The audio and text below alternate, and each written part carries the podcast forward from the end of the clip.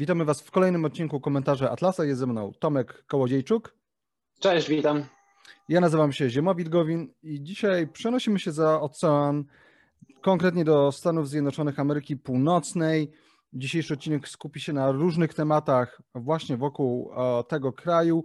Głównie w sumie będziemy mówić o Joe Bidenie, jego prezydenturze, a konkretnie jego planach, które przedstawił na takiej przemowie przed obiema izbami e, kongresu. Bo jest już 100 dni prezydentem. Bo jest już 100 dni prezydentem i miał to swoje przemówienie. Niektórzy mówią, że wręcz historyczne.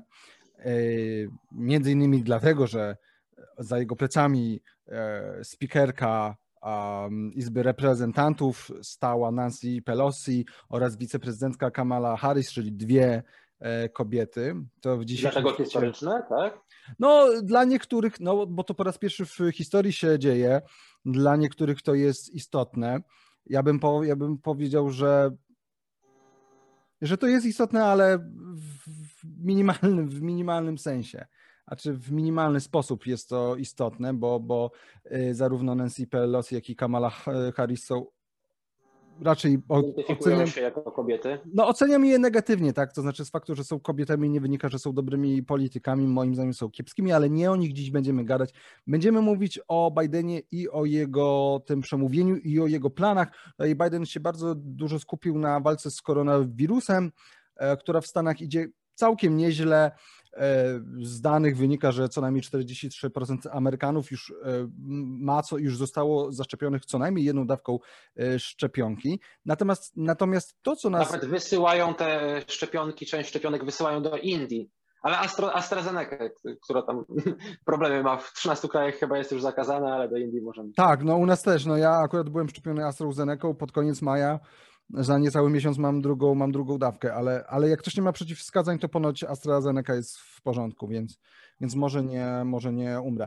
To, co my, my, myślę, Tomek, że w sumie to, co jest y, jedną z głównych rzeczy, o których moglibyśmy dziś powiedzieć, to niestety o tym, że Joe Biden chce powrotu, znaczy powrotu w pewnym sensie Stany Zjednoczone już od początku XX wieku, bo jest ten mit, że Stany Zjednoczone to jest kraj wolnorynkowy, chociaż wiemy, że w rankingach wolności gospodarczej, jeżeli chodzi o kraje, one się plasują e, gdzieś mniej więcej na poziomie krajów skandynawskich, które ponoć są takie socjaldemokratyczne.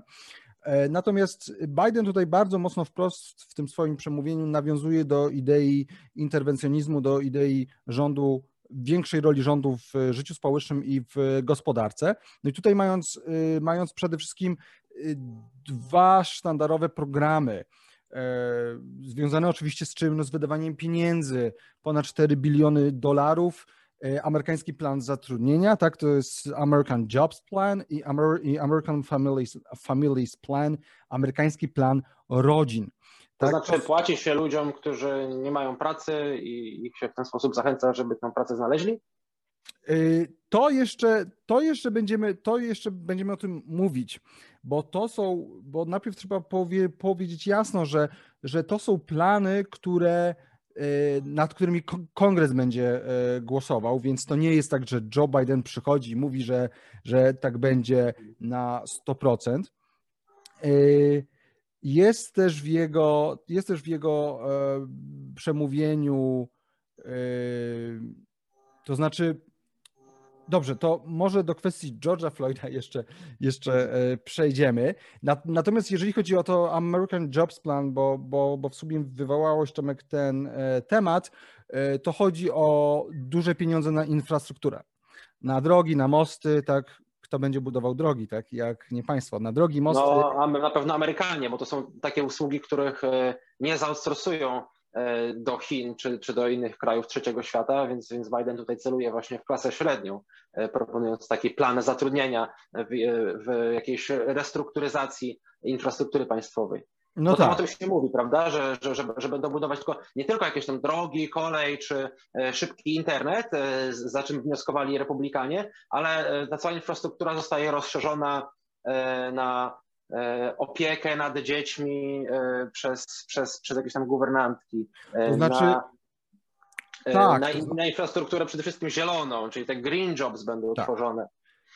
I, i, i parę takich innych rzeczy, które, no, nie wiem, w Polsce by się jeszcze ich nie nazwało infrastrukturą, może raczej edukacją czy opieką społeczną, no ale tam wszystko się domknęło w tym 4-milionowym chyba, czy 3, 3 bilionowym planie American Jobs.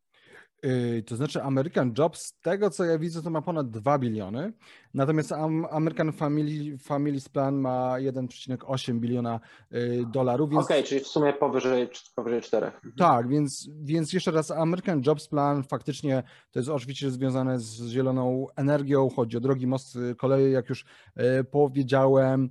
E, oczywiście będzie tutaj nacisk po, położony na na taki termin, bo jest teraz taki termin bardzo ciekawy w amerykańskiej polityce, w dyskursie politycznym e, nowy, to znaczy nie equality, czyli równość, tylko equity.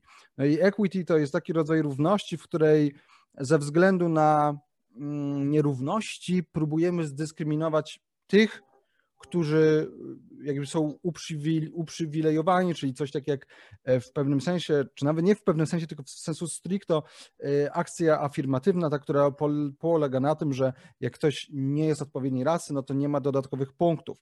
I to jest przykład equity, no i tutaj mm, to American Jobs Plan ma też, ma też mieć jakiś tam element zmieszania nierówności ekonomiczno-rasowych, jak to będzie wy wyglądało w praktyce, to zobaczymy. Jeżeli chodzi o ten plan dla amerykańskich rodzin, e, to mają to być in inwestycje społeczne, ma być to przełożenie, przedłużenie ulg podatkowych na dzieci e, z tarczy antykowidowej, którą e, w Stanach, która w Stanach została przegłosowana w marcu, powszechne przedszkola, federalne płatne urlopy rodzicielskie, opiekuńcze i zdrowotne do 12 dni rocznie. Mają być też zwiększone subsydia na ubezpieczenie zdrowotne i darmowe państwowe koledże.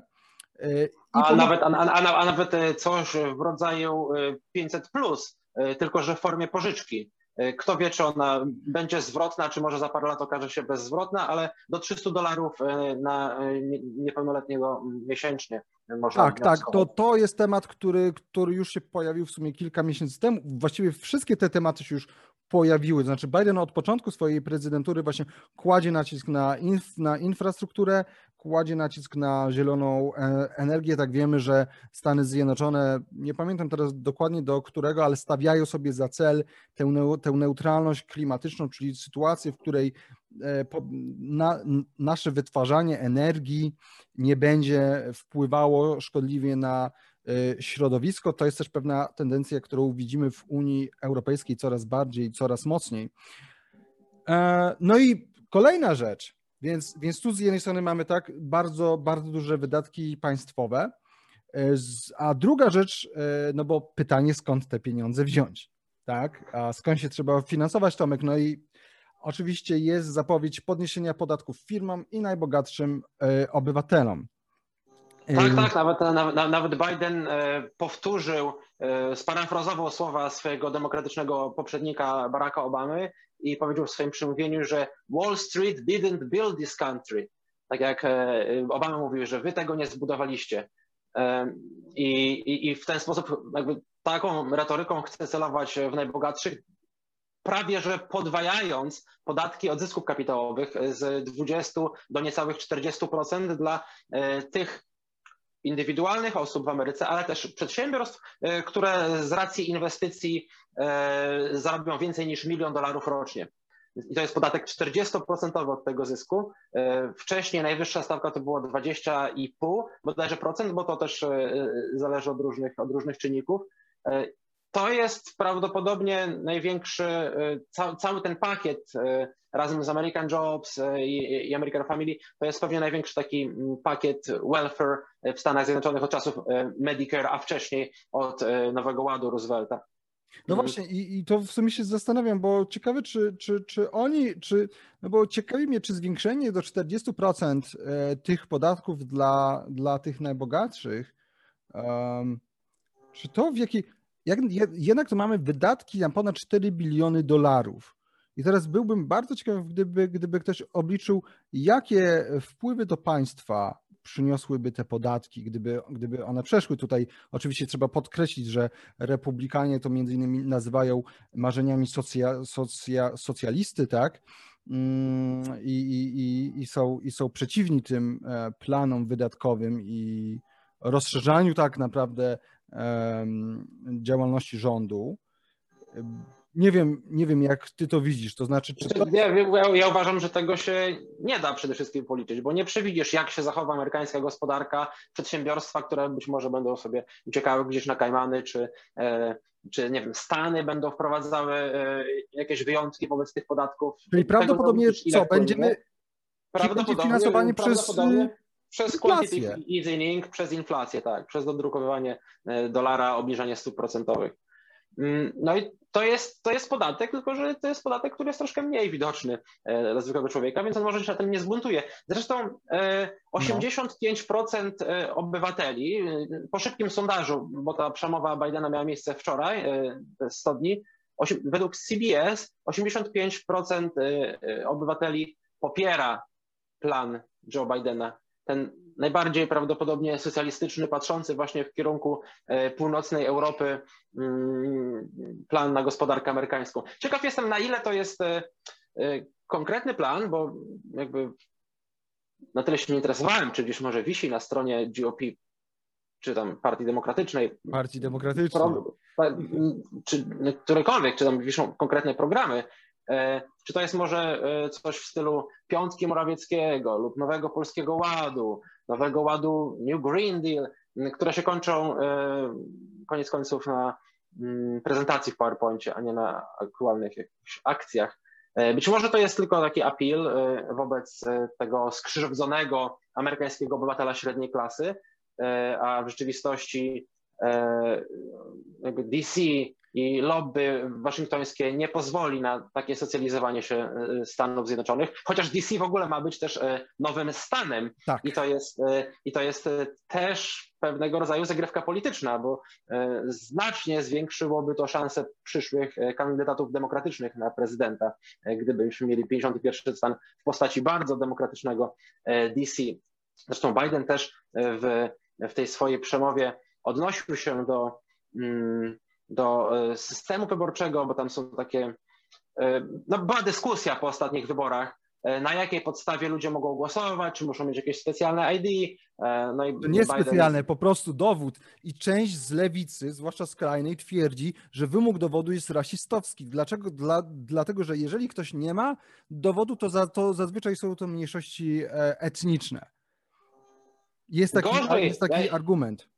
E, ja słyszałem, e, nawet niedawno czytając jakieś newsy o Bidenie e, w sprawie tych studni, że rasistowski jest jego pomysł na ban na papierosy mentolowe. Bo tam jeszcze wolny kraj Ameryka w tamtym kraju pozwala się handlować i palić papierosy mentolowe, u nas w Polsce już na przykład nie. No i niektórzy z jeszcze bardziej lewej strony zaczęli zarzucać Bidenowi, że ten zakaz jest rasistowski, ponieważ to e, ciemnoskórzy Afroamerykanie trzy razy częściej e, palą papierosy mentolowe, z kolei administracja Bidena odpiera ten zarzut i mówi, że nie, to jest właśnie nasza polityka equity, bo bardziej po prostu dbamy o zdrowie tychże Afroamerykanów, zagazując im palenia mentolowych. Właśnie, teraz do, dotknęliśmy kwestii rasowej, bo ty powiedziałeś, że to przemówienie Bidena jest do skrzywdzonej klasy średniej i oczywiście możemy się zastanawiać, w jaki sposób e, finansowanie wielkich, wielkich inwestycji poprzez inflację,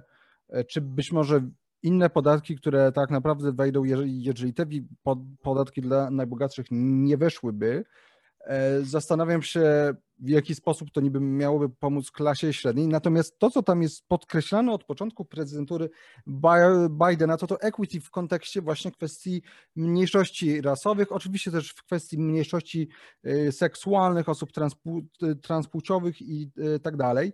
Mm, więc na ile to ma być do klasy średniej, a na ile ma, ma to być takie trochę żonglowanie, że troszeczkę do tego klasycznego wyborcy demokratycznego, a troszeczkę y, ukłon wobec skrajnej lewicy tego skrajnego skrzydła partii demokratycznej.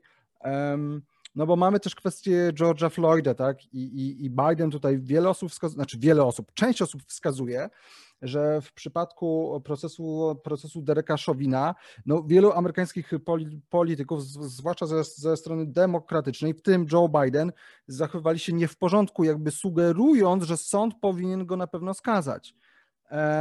podczas gdy no, sprawa nie była taka oczywista. E, ostatecznie Derek Chauvin został, został skazany. Został uznany winnego za wszystkie trzy zarzuty, które mu zostały postawione, natomiast... On został skazany na karę śmierci, czy na jakieś dożywocie? Przyznam szczerze, no, przyznam szczerze, że, że nie wiem. E, możemy... Ja też kojarzę z nagłówków. Został uznany winny, ale możemy sprawdzić. To jest, został, został, na pewno, e, został na pewno uznany winny. Nie wiem, czy już była, e, nie wiem, czy już uznano. Co, jest prawomocny, jaka tak? będzie kara? Jaka będzie kara? No ale w każdym razie niezależnie od tego, jakby nie chodzi mi o to, żebyśmy teraz analizowali ten cały przebieg pro, procesu, żaden z nas nie jest prawnikiem, a to tym... prawda, to, to, to prawda, że jeszcze nie, nie zostało uznane, maksymalnie może dostać 40 lat. Tak, aczkolwiek wskazuje się na to, że prawdopodobnie tak dostanie mniej, znaczy, jeżeli sąd będzie w miarę obiektywny, ze względu na to, że nie ma żadnego, e, żadnej historii e, jakby kryminalnej, tak to criminal record. Każdym razie, nie wspominam o tym po to, żebyśmy gadali o tym procesie, tylko wokół tego procesu, to znaczy, no mamy sytuację i jeszcze niedawno były znowu, była ostatnio sytuacja, że biały pol, policjant zastrzelił czarnoskórą nastolatkę, która z nożem się rzucała na jakąś osobę. E, i no, to było bezpośrednie zagrożenie życia tamtej osoby. Y, ten policjant zastrzelił tę nastolatkę. I znowu wybuchły zamieszki, znowu. To znaczy, pytanie, mm, w jaki sposób prezydentura Bidena y, tak naprawdę idzie zgodnie z tą linią tego urasowienia wszelkich aspektów relacji w społeczeństwie amerykańskim, bo jednak jest takie wrażenie, że no co, coraz bardziej e, te różne skrajne ruchy idą w stronę polityki tożsamości, że, że my jesteśmy czarni, my jesteśmy tacy, my należymy do tej grupy e, i nie ma tego, nie ma tej idei, że hej, jesteśmy wszyscy Amerykanami, tak? Tylko teraz każdy jest w jakiejś grupie, tak? Ktoś jest białą lesbijką, ktoś jest czarnym niepełnosprawnym, ktoś jest e, kimś tam jeszcze, i zastanawiam się, jak ty to widzisz, to znaczy, czy uważasz, że Biden, no bo Biden się mówiło, że on jest takim politykiem, że on jest takim demokratą, ale centrowym, ale jednak no, Kamala Harris centrowa nie jest, ona jest bardziej po tej skrajnej stronie e, lewicowej, jeżeli chodzi o partię demokratyczną. I się zastanawiam, jak ty to widzisz, to znaczy, czy twoim zdaniem Biden e, tutaj będzie faktycznie reprezentował tych nazwijmy to, rozsądnych liberałów, takich jak sam, jak sam y, Harris, czy właśnie bardziej będzie tutaj mm, no, po prostu koniunkturalistą, tak? Ja nie podejrzewałbym, że historia jest inna niż zazwyczaj w takich przypadkach. Mhm. Zwłaszcza w przypadku Bidena, który jest rasowym politykiem od kilkudziesięciu lat, ci goście po prostu podlizują się nastrojem społecznym panującym wśród Amerykanów. Mm, no tak, Black Lives Matter, sorry, że ci przerwę, ale popiera obecnie o wiele mniej osób niż popierało jeszcze w lipcu. Y, to było bodajże w lipcu, sierpniu, w maju, to było ponad 70%, zwłaszcza jeżeli chodzi o białe osoby. Już we, już we wrześniu to było niewiele ponad 50%. Y, ja jeszcze, jeszcze przyjdzie tak, że, że, że ta liczba no, nie może być ujemna, ale może dojść do tego, że te działania antyrasistowskie polityków amerykańskich oraz liderów różnych organizacji społecznych przyniosą odwrotny skutek. I znowu będziemy mieli do czynienia z rasistą Trumpem lub Trumpem 2. Zresztą Donald Trump, który od tych studni, kiedy już tym prezydentem nie jest, prawie codziennie ponoć gra sobie po prostu w golfa na Florydzie i przyjmuje różnych republikańskich polityków, którzy go proszą o poparcie, jakieś publiczne endorsement. No nie zatwituje już o nich, bo Twittera nie ma, ale zapowiedział, że e, w ciągu pół roku otworzy własną e, platformę social media, mm, co się oczywiście o czym się spekulowało jeszcze przed, przed Czyli coś jak Parler, tak? Mm, no, konta na Parlerze chyba nawet Trump jeszcze też nie ma oficjalnego i tak siedzi y, na tej Florydzie. Nie wiadomo, czy coś jak Parler, czy to będzie bardzo prawicowe, czy będzie po prostu free speech platform.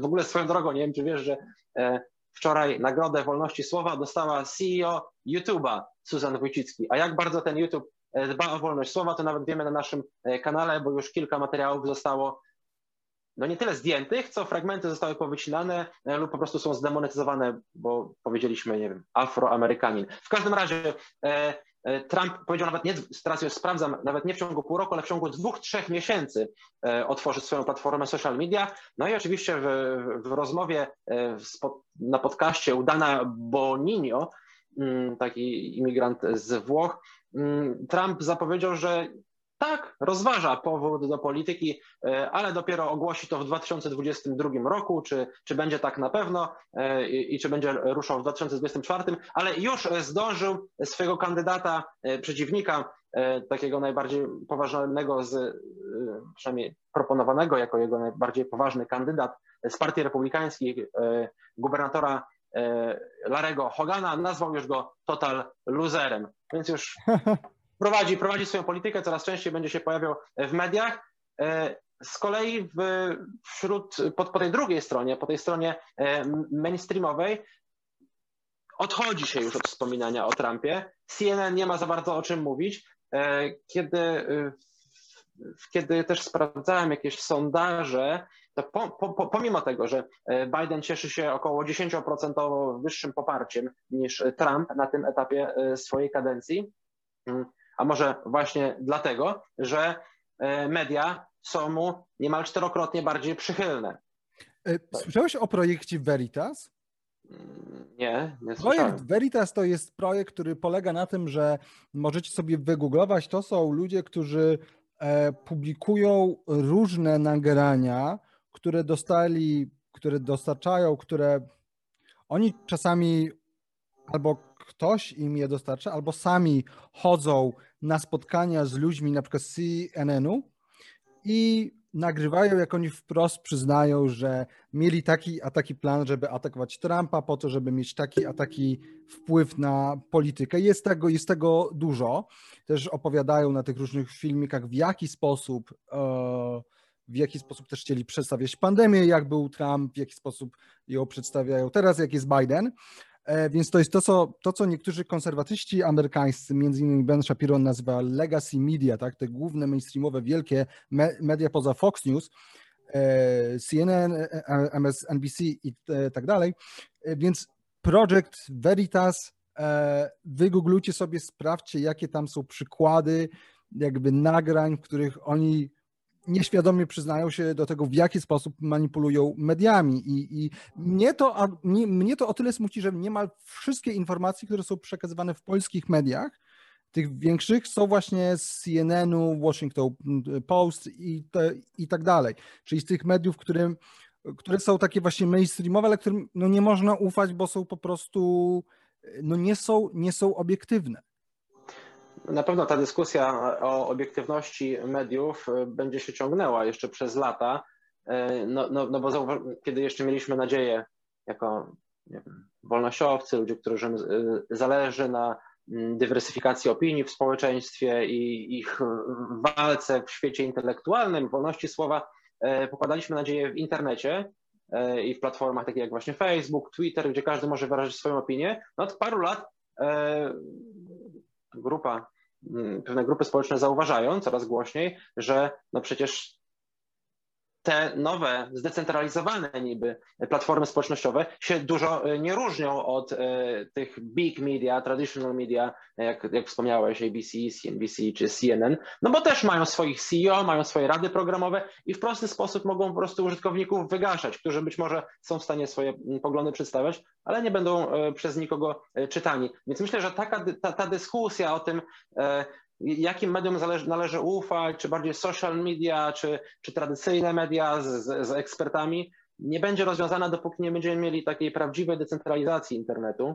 A czy do niej w ogóle dojdzie? Czy dojdzie do tego, że ludzie będą używać swoich e, urządzeń elektronicznych jako takich e, jednostek komunikacji Mm, peer-to-peer, szyfrowanych, niepodlegających e, kontrol, kontroli kanałów komunikacyjnych przez jakieś duże platformy typu Facebook czy Twitter, mm, no to ta dyskusja nie będzie wtedy skończona, bo zawsze będziemy mieli e, ten mhm. problem.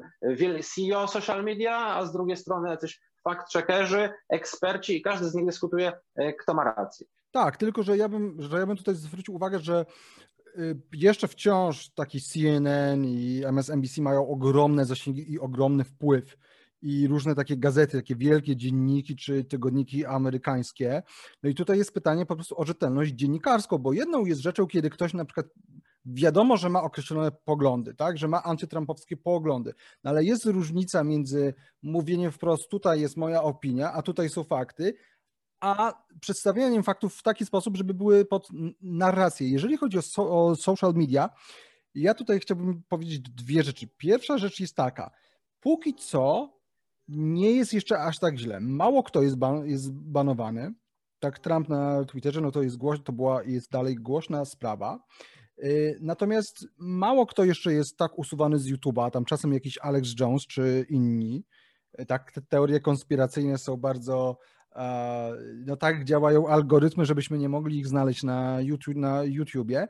Dobre, dobre jest to, że w każdej chwili jakby my mając urządzenia elektroniczne mamy władzę, mamy władzę co do tego, E, co oglądamy, co słuchamy, tak, możemy też wyjść na różne strony. Też pamiętajmy, że internet się nie kończy na Twitterze, Facebooku czy na Instagramie i ja akurat osobiście od kilku miesięcy e, nie mam nie na żadnych z tych e, platform, nie korzystam z social mediów, poza może YouTube'em, jeżeli to można nazwać social medium. Natomiast ja w ogóle uważam, że trzeba się zastanowić nad tym, czy nie byłoby lepiej dla społeczeństwa jako takiego, gdyby faktycznie ludzie po prostu odchodzili z Facebooków i z Twitterów, zwłaszcza jeżeli wiemy, że ich algorytmy są często tak nastawione, żeby wsadzać ludzi w bańki światopoglądowe. I ja tu nie mówię o tym, że państwo ma zakazać im robić tego, tylko żeby zwiększyła się świadomość społeczna co do szkodliwości działań social mediów, które są tak skonstruowane, żeby nas e, uzależniały. Wszyscy to, to wiemy, scrollowanie na Facebooku, przeglądanie tweetów, przeglądanie Instastory. Ja byłem uzależniony od tych trzech e, platform już nie, już nie jestem, więc nie tracę czasu, ale też nie, nie jestem bombardowany różnymi newsami, które mają w jakiś sposób mnie striggerować.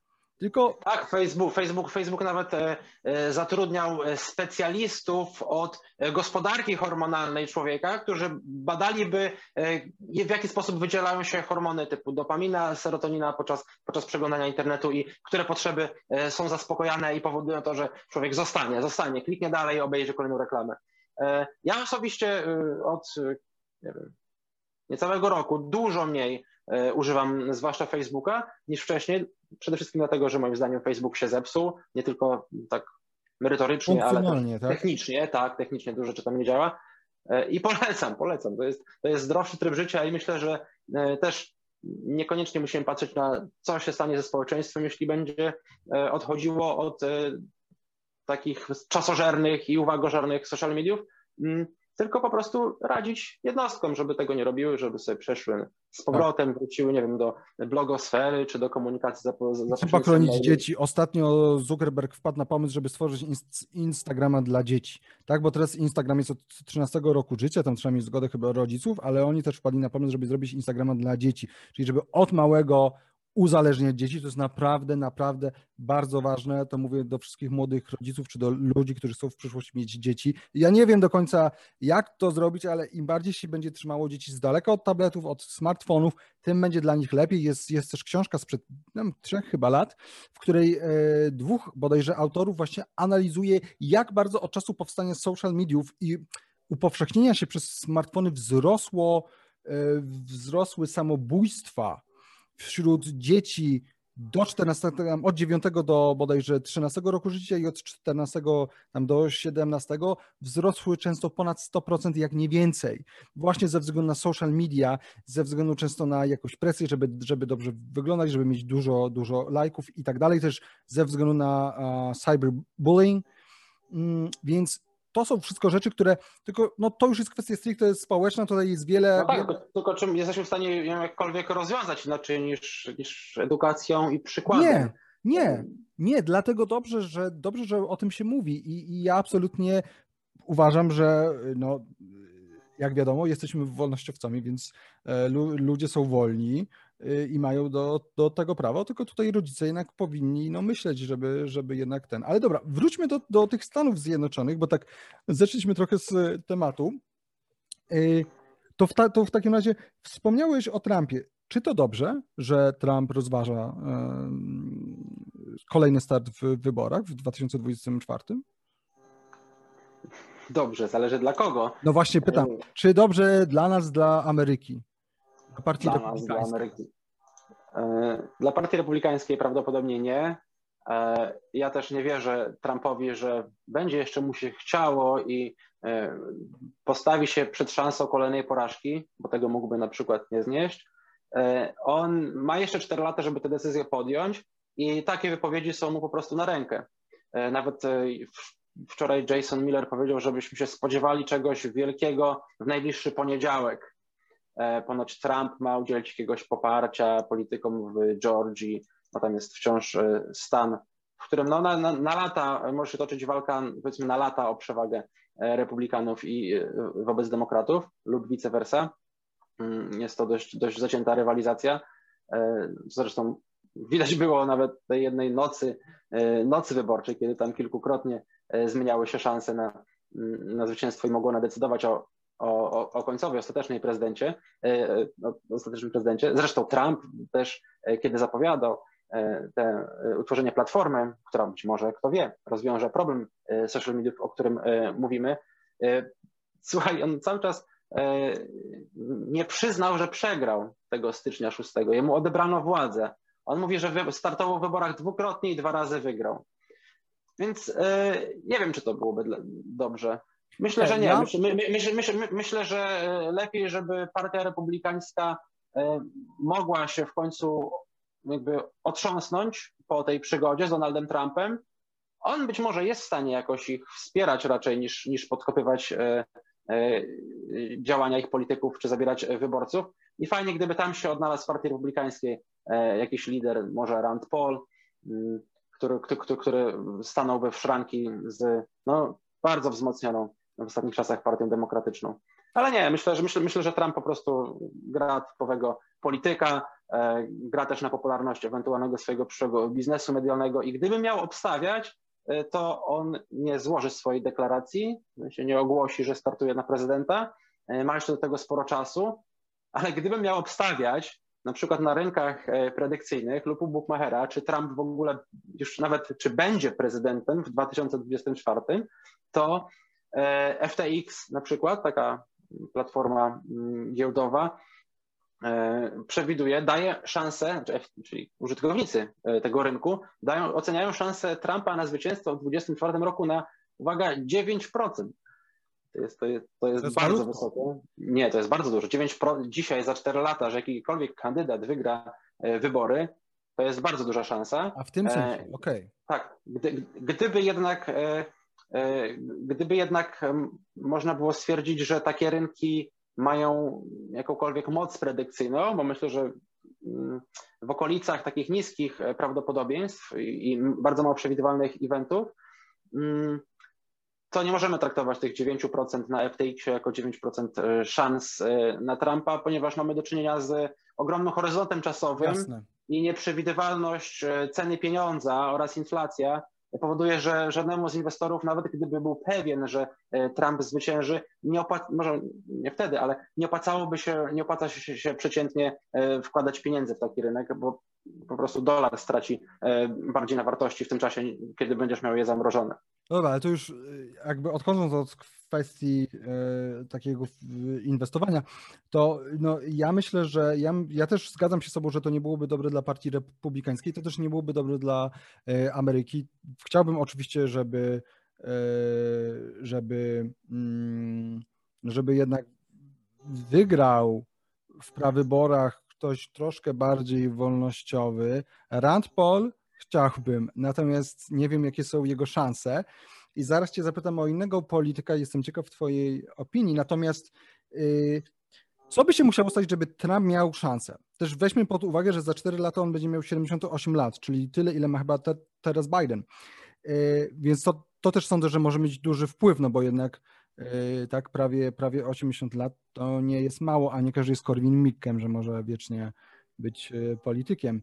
Yy, I co by, co by się musiało stać? To znaczy, moim zdaniem, gdyby te wojny kulturowe w Stanach doszły do jakiegoś absurdalnego poziomu, gdyby faktycznie doszło do takiej mocnej dyskryminacji osób, powiedzmy, większości przez mniejszość, jakąkolwiek, czy e, hetero przez gejów, no teraz przez, przez gejów to na pewno nie, ale przez osoby tam transseksualne i e, tak dalej, czy czarnych przez białych i tak dalej, to moim zdaniem tylko wtedy miałoby szansę, Trump miałby szansę wzbić się na ogromnych podziałach społecznych i na ogromnym poczuciu niesprawiedliwości e, takiej większości powiedzmy niskiej klasy, niższej klasy średniej białej i białej klasy robotniczej.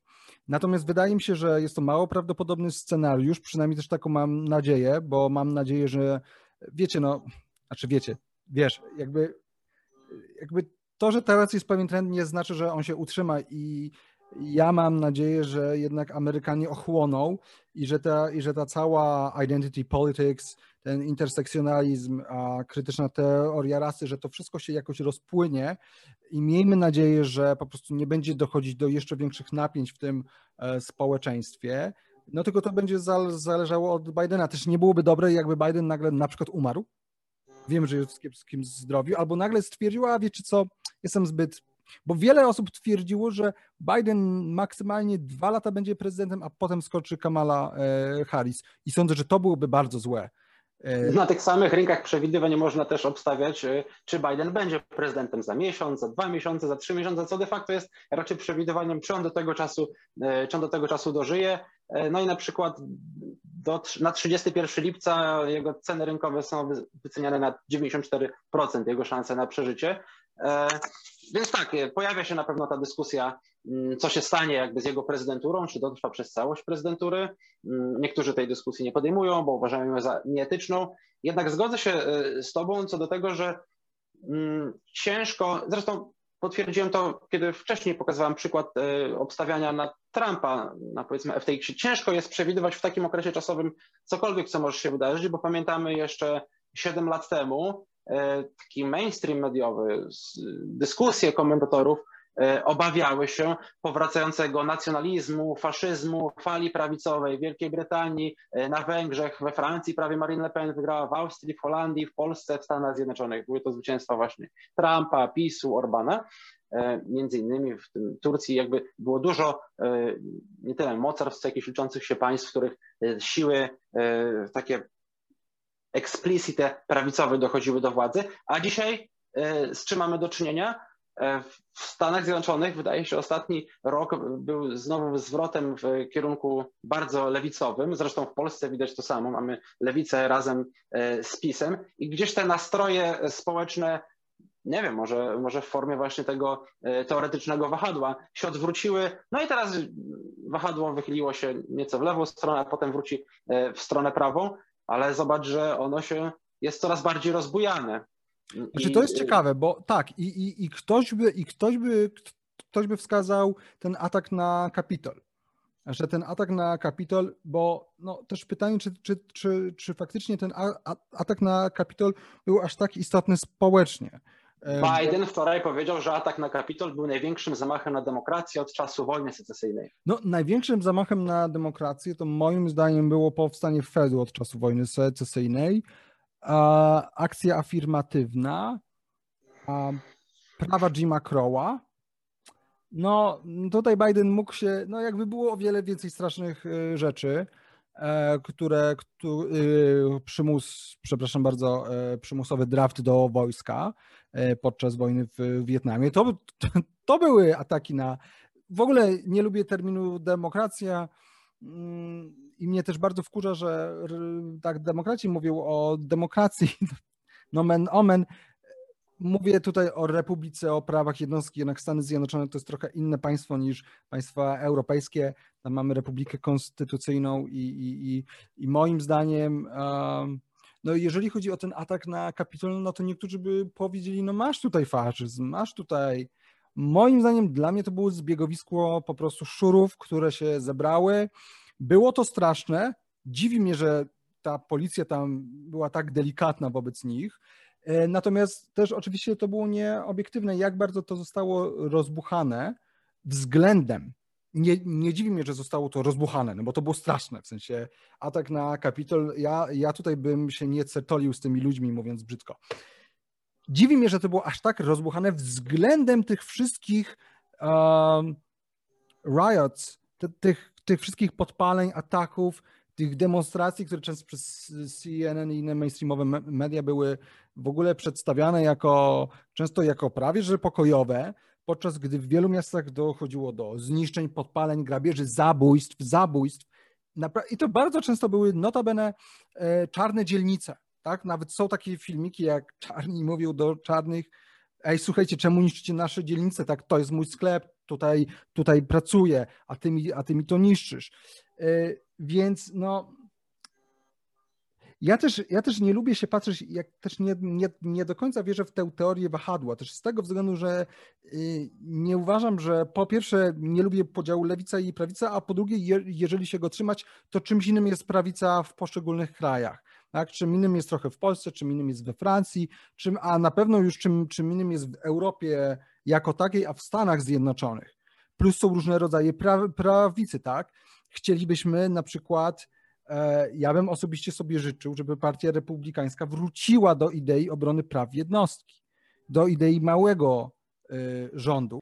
Dobra, Tomek, to w sumie tak na koniec, bo już dużo powiedzieliśmy, no powiedzmy złych rzeczy o Joe Bidenie, to znaczy, no, to nie są dobre rzeczy, jeżeli i o kwestie społeczne, i kwestie gospodarcze, póki co te jego plany, jego działania, jego słowa oceniamy negatywnie. Natomiast jestem ciekaw, czy, czy, czy jest coś w polityce Bidena, co ci się podoba, co mógłbyś pochwalić?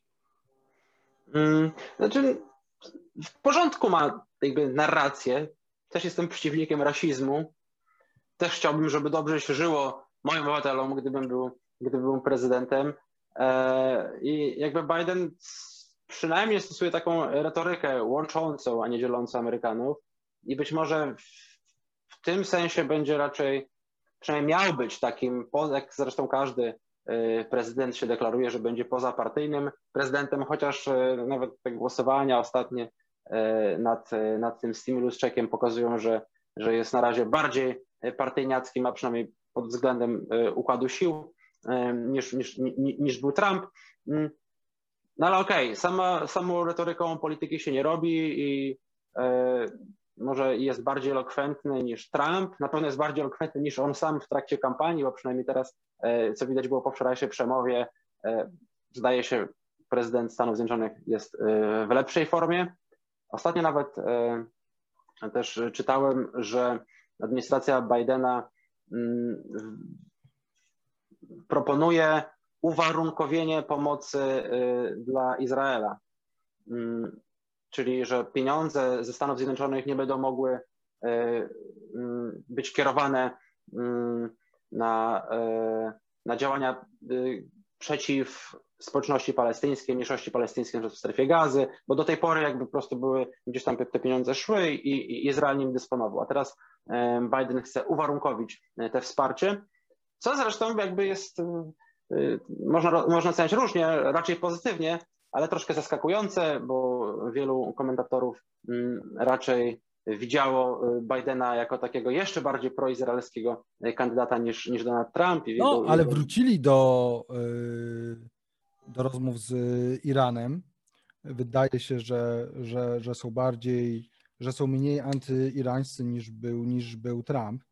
Bo to by się wydaje, bo to by się wydaje, że e, Biden ma dobrą politykę zagraniczną, tak? Tak, to znaczy tak, y, ewidentnie, to znaczy wielkim błędem Trumpa, być może nawet w, kon w kontekście Rosji i Chin, które zagrażają o, wolnemu jeszcze światowi z zachodu, uważam, że Trump był beznadziejny, to znaczy Trump w ogóle nie widział, e, był, był słaby wobec Rosji, może wobec Chin, ale to głównie w swojej, w swojej retoryce był, był e, ostry. Natomiast w ogóle nie widział tego, żeby się zbudować jakby koalicję w cudzysłowie z Unią Europejską. E, I wydaje mi się, że tutaj Biden jest o wiele lepszy. Te działania, jeżeli chodzi o ten ostatni konflikt, na szczęście zimny, nie gorący, e, Rosja-Ukraina, tutaj Biden był bardzo stanowczy. Co prawda, to, co mnie zdziwiło, to to, że on wprost uznał, chyba jako pierwszy prezydent Stanów Zjednoczonych w historii, że y, Turcja dokonała rzezi Ormian i że było to ludobójstwo. Nawet, nawet to, to samo przyznali o chiński, chińskim ludobójstwie Ujgurów. Ale to dobrze. Znaczy, okej, okay. tutaj chciałbym powiedzieć dwie rzeczy. Ja też nie jestem historykiem. E, myśl, myślę, że, że prawdopodobnie możemy mówić o ludobójstwie e, Ormian i nie jestem zwolennikiem udawania, że gdzieś są, że gdzieś są łamane prawa człowieka. Natomiast e, ja bym się tu zastanowił, czy faktycznie jest to istotne, żeby teraz, żeby teraz mówić takie rzeczy, które wiemy, że takie, takie stwierdzenia na Turcję działają jak płachta na byka, jak y, Francja zakazała tak zwanego kłamstwa, e, tak jak mamy kłamstwo Holokaustu, to, to Francja wprowadziła jakiś czas temu, to już było ileś lat temu, e, kłamstwo dotyczące e, narracji historycznej, zgodnie z którą ludobójstwo Ormian nie miało miejsca. I jak, jak Francja to zrobiła, to na jakiś czas Turcja praktycznie zerwała z nimi e, stosunki dyplomatyczne, więc wiem, że to działa na Turcję jak płachta na byka. A teraz pytanie, czy nie potrzebujemy Turcji w basenie Morza e, Czarnego, zwłaszcza w kontekście chęci Rosji do rozprzestrzeniania się tam, zwłaszcza na e, no po, po prostu do rozprzestrzeniania się i być może przyszłego przyszłe, przyszłego ataku na e, południowy wschód e, Ukrainy. Tutaj być może nawet, ja mówię być może, to, to, to jest luźna spekulacja, być może nawet Rosja z e, Ankarą się dogadają. No miejmy nadzieję, że nie.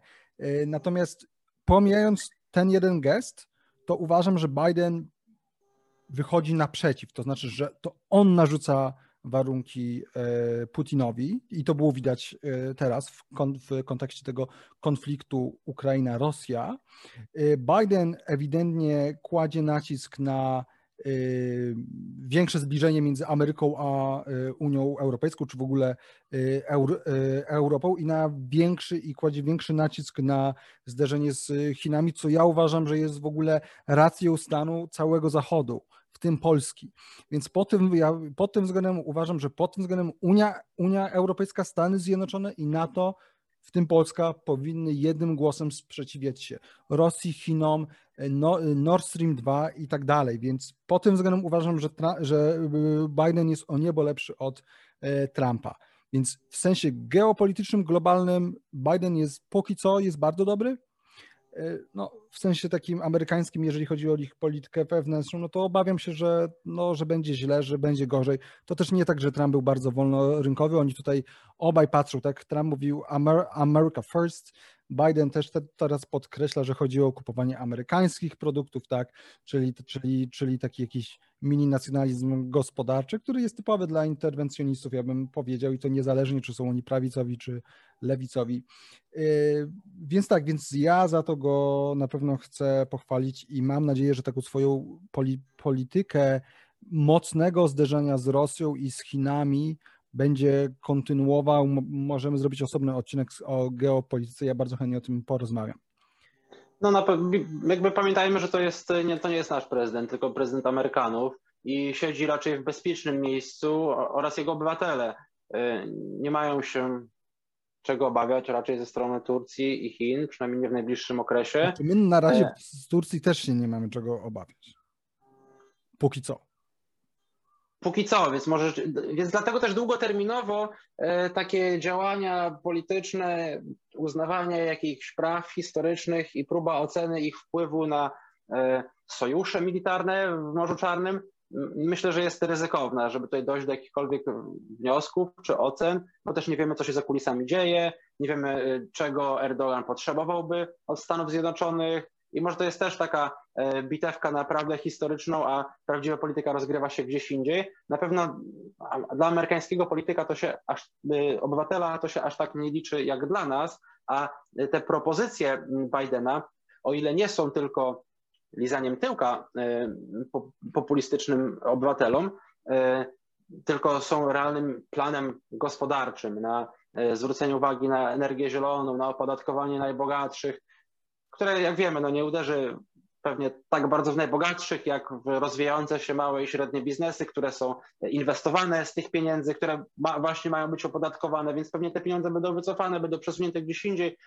Myślę, że te propozycje, o których usłyszeliśmy, usłyszeliśmy wczoraj, e, bardziej krzywdzą e, Amerykanów niż jakieś zepsucie sobie stosunków z Erdoganem. Oczy, oczywiście, tak, tak, tak. To tutaj, to tutaj pełna zgoda. No dobra, no to w takim razie porozmawialiśmy o Stanach Zjednoczonych. Dajcie znać w komentarzach, co wy sądzicie o Bidenie, o Stanach Zjednoczonych, o sytuacji geopolitycznej, sytuacji gospodarczej, e, co wy byście zrobili, albo być może jakiego wy byście chcieli prezydenta w Stanach Zjednoczonych z punktu widzenia i Stanów, i Polski, i e, całego świata, też jak postrzegacie e, Trumpa i jego szanse, albo być może jakiegoś innego polityka partii republikańskiej e, w wyborach w 2024 roku. A my wam za dzisiaj dziękujemy, lajkujcie, subskrybujcie i szerujcie. Do zobaczenia, cześć. Cześć.